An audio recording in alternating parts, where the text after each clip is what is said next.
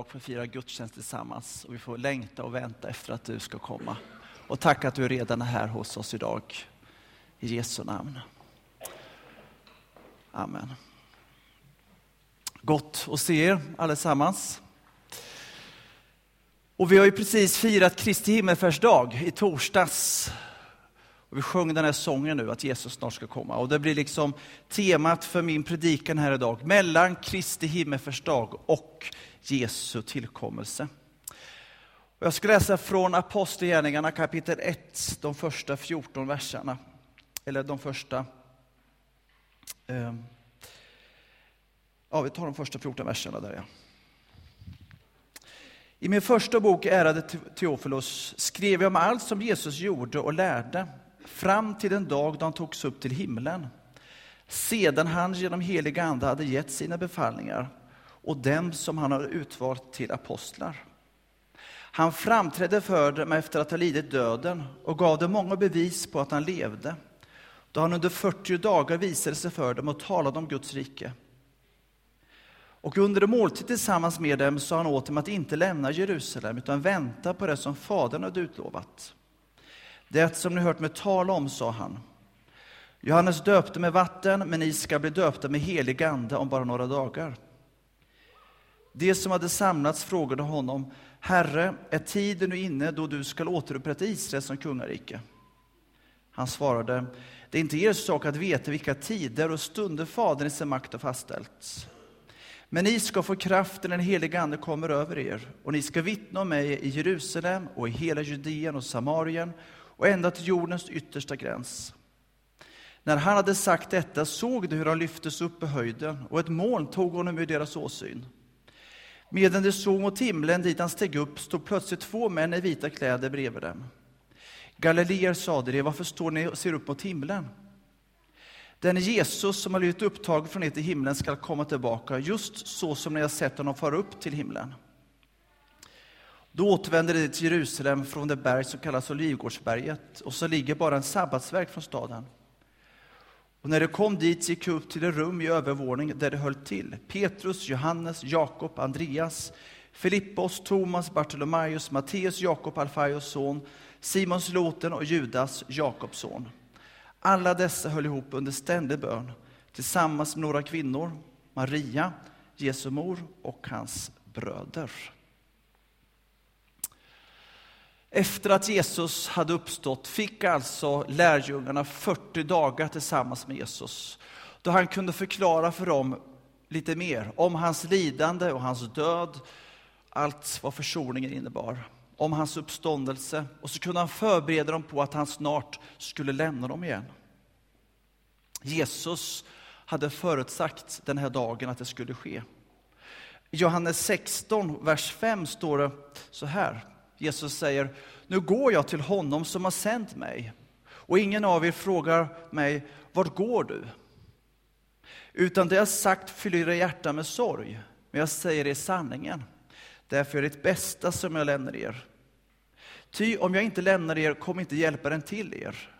Men när jag går så ska jag sända honom till er. Något stort skulle alltså ske efter att Jesus lämnade dem. Och det var till och med nödvändigt att Jesus skulle lämna lärjungarna för att det här stora skulle ske. Annars skulle det inte kunna ske. Han skulle nämligen sända dem en annan hjälpare från Gud, den helige Ande. Där Jesus var, där var Guds rike närvarande. Han rörde sig i Judeen, Galileen, Jerusalem, Samarien och manifesterade Guds rike genom att bota sjuka, genom att upprätta människor, ge syndernas förlåtelse, han gjorde det genom att göra kraftgärningar. Vid ett tillfälle, det första undret, så förvandlade han vatten till vin när vinet tog slut vid en bröllopsfest. Vid ett annat tillfälle, när det var mer än 5 000 män, förutom kvinnor och barn, så hade han fem bröd och två fiskar som han fick av lärjungarna. Utav det gjorde han så att det räckte till alla, och det blev till och med tolv korgar över. Guds rike manifesterades där Jesus var, där han rörde sig. Men vad som nu skulle ske var något helt fantastiskt.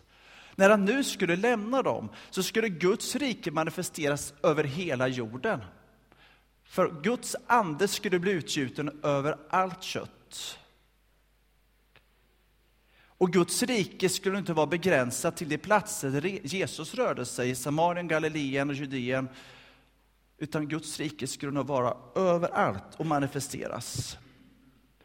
Genom att den helige Ande skulle komma över lärjungarna på pingstdagen. Genom att den helige Ande skulle komma över lärjungar i alla tider. Så skulle evangeliet, så skulle Jesus bli känt genom oss och så skulle Guds rike manifesteras genom oss över hela jorden.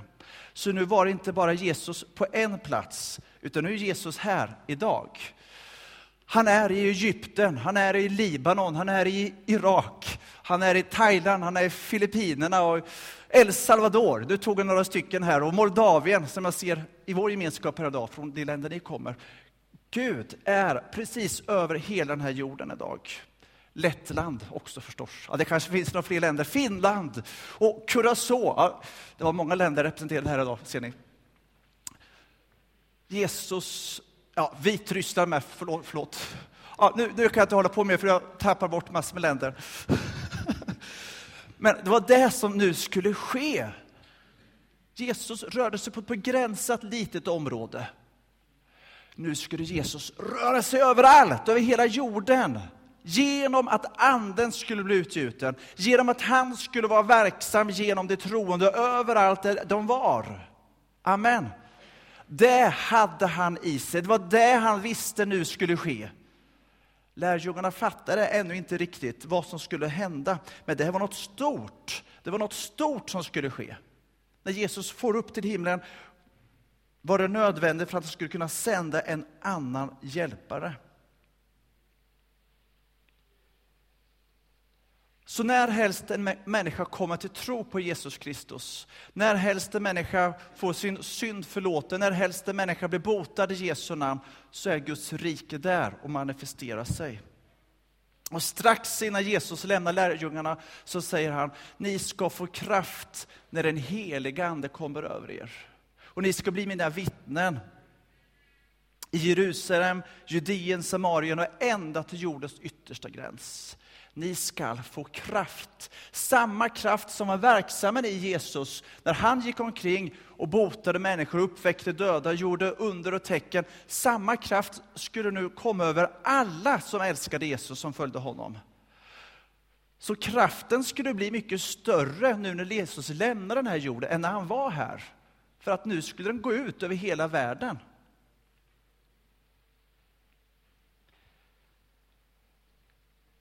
Och vi skulle inte få mindre kraft än vad Jesus hade. Utan samma gärningar, ja större än vad Jesus gjorde, ska ni få göra, säger Jesus. Samma ande som fanns och svävar över jorden när himmel och jord skapades, samma ande som uppväckte Jesus från de döda, har tagit sin boning i dig och mig. Så står lärjungarna där, den lilla församlingen, tillsammans med Jesus, och så far han upp genom ett moln och den lilla församlingen ser upp mot himlen och blickar uppåt. Och så frågar de här två änglarna varför de tittar upp mot himlen. Och jag har tänkt på de där frågorna, vilken dum fråga. menar, hade jag stått där och Jesus får upp till himlen, det är klart jag hade stått och tittat så här. Men, men varför står ni här för? Har ni inte tänkt på det någon gång? Men så, så tänkte de i alla fall, änglarna där. Varför står ni här för? Jag hade faktiskt gjort likadant kan jag säga. Men då säger de, han ska komma tillbaks på samma sätt som de har sett honom fara upp till himlen. Jesus, han återvände segerrik till sin fader. Han hade blivit sänd av Gud, Fader, ner till den här jorden för att vinna den här världen, för att utge sitt liv för den här världen, för att gå lidandets väg, för att spikas upp på ett kors för att dö för våra synders skull, för att uppstå, för att vinna seger över död, synd och djävul. Han hade fullbordat allt. Han hade vunnit seger. Därför återvände han till himlen, till sin fader, segerrik, som segrare. Han kom inte upp dit som en loser, utan som en segrare. Och vart blev han satt någonstans? Jo, på tronen. Amen på Gud, Faderns högra sida, där sitter Jesus idag. Han är på tronen. Amen. Samtidigt som man säger att anden som finns i oss, där är också Jesus. Så samtidigt som Jesus är på tronen så är han mitt ibland oss genom sin ande. Samtidigt som han sitter på tronen så är han över hela världen verksam genom de som tror på honom. Och den som sitter på tronen, han regerar. Eller hur? Det står, och Bibeln säger det, att han är kungars kung och herrars herre. Och denne kung, denne Jesus, han vädjar för oss. Han manar gott för oss, han talar gott för oss inför Fadern. Filipperbrevet 2 säger om Jesus, därför har Gud upphöjt honom över allt annat och gett honom det namn som står över alla andra namn, för att alla knän skall böjas, i himlen, på jorden och under jorden, och alla tungor bekänna att Jesus Kristus är Herre, Gud Fadern till ära. Det ska ske en dag. De värsta gudsförnekarna, det som eh, förföljer den kristna tron, också det ska få erkänna att Jesus är faktiskt Herre. Alla knän ska böjas en dag, under jorden, på jorden och över jorden. Det är en sanning. Alla knän skall böjas. Jesus, han regerar. Han är kung, han äger all makt. Ändå kan vi på den här jorden se så mycket mörker utav ondska. Därför att den här världen är lagt under, som Bibeln säger, förgängelsen. Men när helst en människa tar emot Jesus Kristus i sitt liv, så måste mörkret ge vika. Synden måste släppa sitt grepp, djävulen måste släppa sitt grepp om den människan. Och i dopet så begravs den här gamla syndnaturen, den här människan. Och så uppstår man till Guds rike, till ett nytt rike, förvandlad, befriad, ett Guds barn. När helst det sker så har liksom Guds rike manifesteras. Och det är det som sker när det blir väckelse, när samhällen och städer skakas om, länder skakas om, när Guds rike manifesteras. Då måste ondskan flytta på sig. Och Jesus, han vann seger över djävulen på korset. Det är ett faktum. Djävulen är besegrad, även fast vi ser hans verkningar är så starka. Men det är som dödsryckningar. Han vet att hans tid är kort. Han vet att han en dag skall förpassas till ett evigt helvete. Det säger Guds ord. Djävulen är förlorad. Han ska för alltid bli förvarad som en slutdestination där han aldrig kommer att komma ifrån längre. Där han aldrig längre kan förleda någon människa, där han aldrig mer kan göra något ont. En dag så skall han komma dit. Det är liksom klart, det är färdigt, det är förberett för honom. Men hans tid är kort. Och han gör allt vad han kan för att stjäla, slakta och förgöra. Han är som ett rytande lejon som går omkring för att förleda människor.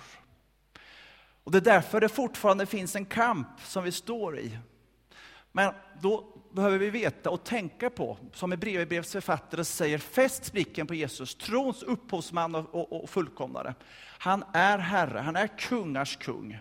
Och är du uppfylld av den helige Ande, är Jesus Herre i ditt liv, så har du makt och auktoritet att fördriva mörkret. Då har du makt och auktoritet att befria en människa. Du har makt och auktoritet att förmedla syndernas förlåtelse i Jesu namn. Det är Guds rike. Han fördriver mörkret.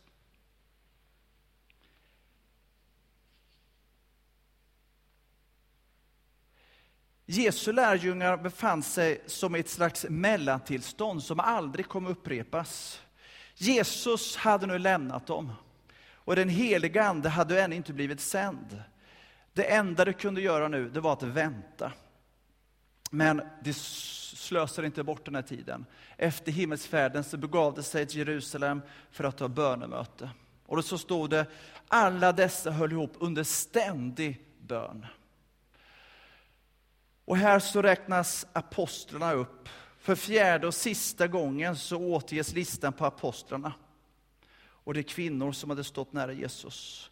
Och där fanns också Jesu mor, Maria. Och det är sista gången som Marias namn också nämns i Bibeln. Och hon var också en vanlig deltagare i börjegemenskapen. Hon var inte eh, föremål för någon tillbedjan, Maria. Utan hon var en bland de andra. Och där fanns också Jesu bröder, läste vi texten, Jakob, Josef, Simon och Judas. Och om vi läser Johannes 7 och 5 så trodde de inte på Jesus förut. De trodde att han var lite snurrig, att han var lite konstig, deras egen bror. kan läsa om det. Johannes 7 och 5. De trodde inte på Jesus före korsfästelsen, hans egna bröder. Men nu trodde de. Nu var de bland de församlade församlingen som bad om att den helige Ande skulle komma över dem. Nu hade de förstått, att brorsan, det var ju, det var ju Messias. Vad var det då som drev de här tillsammans? Jo, det var ju att man längtade efter att det här löftet skulle infrias som Jesus hade sagt till dem. Vänta i Jerusalem. De ska bli beklädda med kraft ifrån höjden. De ska bli döpta med den heliga Ande bara om några dagar. Och så bad man ivrigt och intensivt att det här skulle ske.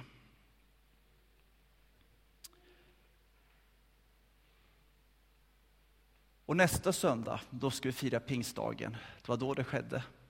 En och en halv vecka bad de intensivt och så kom Guds ande som en stormvind. Kristi himmelsfärd vittnar också om att Jesus ska komma tillbaka en dag. Änglarna hade sagt det, och det är fascinerande. Att på samma sätt som ni såg Jesus fara upp till himlen, på samma sätt ska han komma tillbaka. Och en dag ska vi för alltid vara hos Herren. Det ska inte finnas någonting som skiljer oss åt från honom längre. Men så är det faktiskt redan här och nu. Första Korinthierbrevet säger det. Varken svält, nakenhet, fara eller svärd skiljer oss från Guds kärlek. Så redan idag kan vi få leva i det. Men en dag så ska vi få se Jesus ansikte mot ansikte. Vi ska liksom få hoppa upp i hans famn och vara nära. En dag ska vi bli slutfrälsta, då kampen ska vara slut. Och så säger Bibeln också att alla ska få se honom när han kommer. Historien är ingen slump, det rör sig mot ett bestämt mål. Jesu återkomst för att döma och Jesu återkomst för att regera världen. Första Thessalonikerbrevet säger att vi ska vara beredda på hans plötsliga ankomst. Inte genom att stå och titta mot skyn, utan i Andens kraft förmedla de goda nyheterna att Jesus lever till våra medmänniskor. Jesus hade alltså förklarat för de som fanns där runt omkring honom, framförallt till lärjungarna. Guds rike är nu mitt ibland er. Han var förmedlare av Guds rike. Nu hade han återvänt till himlen och nu skulle Guds rike förmedlas genom de troendes hjärtan, genom oss, genom den heliga Andes närvaro. Men en dag så ska Gudsriket fullt ut få bryta fram. Och det kommer ske när Jesus kommer tillbaka för att döma alla människor och göra slut på all ondska i världen. Apostlagärningarna berättar början av den här historien. Och vi fortsätter att skriva den här historien genom att fullföra det arbete som Jesus har gett oss, det som den första församlingen startade. En dag ska den här skapelsen bli fullständigt upprättad. Det ska bli en ny himmel och en ny jord. Guds rike ska totalt genomsyra allt. Gud ska regera i allt och alla. Gud ska vara i allt och alla. Inget mörker ska finnas mer. Inga orättvisor ska finnas mer. Inget lidande ska finnas mer. Inget svält ska finnas mer. Ingen fattigdom ska finnas mer. Inget våld ska finnas mer, inga krig ska finnas mer, inte några miljöförstörningar ska finnas mer. Utan Gud ska skapa en ny himmel och en ny jord där rättfärdighet bor. Och han ska vara solen. Det behövs ingen sol längre, utan Gud ska själv stå mitt ibland dem. Det är det, mina vänner, vi längtar efter. Det är det som Kristi påminner oss om. Att han får upp, men att han också ska komma tillbaka för att upprätta sitt rike. Amen. Det är för det målet vi kämpar, det är det vi strävar. Historien är på väg mot något. Det är inte bara en slump det som sker, det blir lite som det blir. Nej, det är på väg någonstans. Jesus kommer tillbaka. Och en tid som denna så får vi ta emot den heligandes kraft och tjäna honom med glädje, med övertygelse i våra hjärtan. Att vi vill att så många som möjligt ska få möta Jesus, att så många som möjligt, ja vi vill ju att alla, och vill vi det så vill Jesus det ännu mer, för han vill att varenda en ska bli frälst. Han vill att alla ska komma till insikt till, om sanningen. Och en dag så ska all ondska förpassas där det hör hemma. Och då skulle Guds rike fullt ut ta plats i skapelsen och allt som Bibeln sagt kommer att fullbordas. Ska vi prisa Herren, tacka honom för att han är god. Ja, Jesus, jag vill bara prisa dig, jag vill bara tacka dig för att du är så god.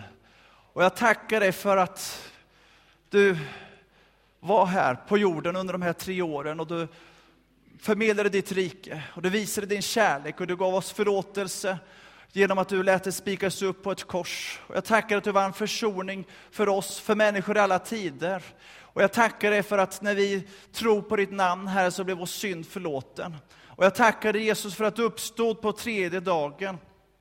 Och jag tackar dig för att den uppståndelsen som du fick, den är också vår Herre. Även om vi dör så ska vi leva Herre tillsammans med dig Jesus.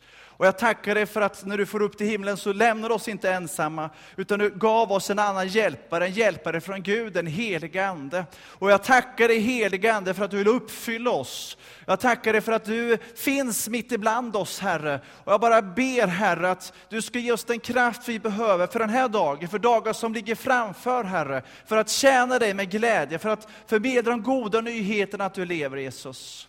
Och jag tackar dig för att du en dag skall komma tillbaks på himlens skyar igen, Herre. Jag tackar dig för att du en dag skall, Gud, döma levande och döda, Herre. Och jag tackar dig för att du är en rättfärdig domare, Gud. Och jag tackar dig att du en dag ska låta skapa ny himmel och en ny jord, Herre. Där rättfärdighet bor, där du ensammen ska råda, Herre. Där det inte kommer finnas något lidande mer, ingen sjukdom, Herre. Inte några orättvisor, Herre. Inget mörker, ingen synd, ingen djävul, ingen död, utan då du kommer regera fullt ut, Jesus. Och jag prisar dig för det. Och vi, jag vill bara böja mig inför dig och erkänna dig som kung och Herre Jesus. Och jag tackar att vi får vänta och längta efter din ankomst, Jesus prisa dig. Så ber jag för vår stad Borlänge den här stunden. Jag tackar dig för att du gav ditt liv för vår stad. Du älskar den här staden så mycket, Herre. Jag bara ber att du ska dra människor till dig, Herre. Att du ska beröra hjärtan, Herre. Och jag ber Gud att överallt där vi är, att vi ska kunna få andas ut och förmedla din närvaro, Herre, så att människor bara längtar efter att ta emot dig i sina liv. Tack Jesus att du älskar varenda människa så otroligt mycket.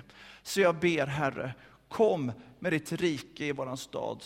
Låt din vilja ske, Herre. Låt din härlighet bli uppenbar. Jag prisar dig, Jesus. Jesu namn, Jesu namn. Amen. Amen. Visst är det bra med Jesus? Med den heliga Ande? Och jag vet att flera av er här skulle kunna vittna om vad Gud har gjort i era liv. Om inte Gud hade varit där, vad hade det blivit då? Jag vet och har hört av er flera stycken att sådana vittnesbörd om vad Gud har gjort. Tack Jesus för att han finns vid vår sida. Han är vår hjälpare. Han är vår löftesman, han är vår befriare, han är vår ledsagare. Han är vårt allt. Till vem skulle vi gå, sa lärjungarna, om inte till dig Jesus? Och när vi får den här desperata bönen i våra hjärtan, då är han där. Och så ger han oss den kraft vi behöver. Amen.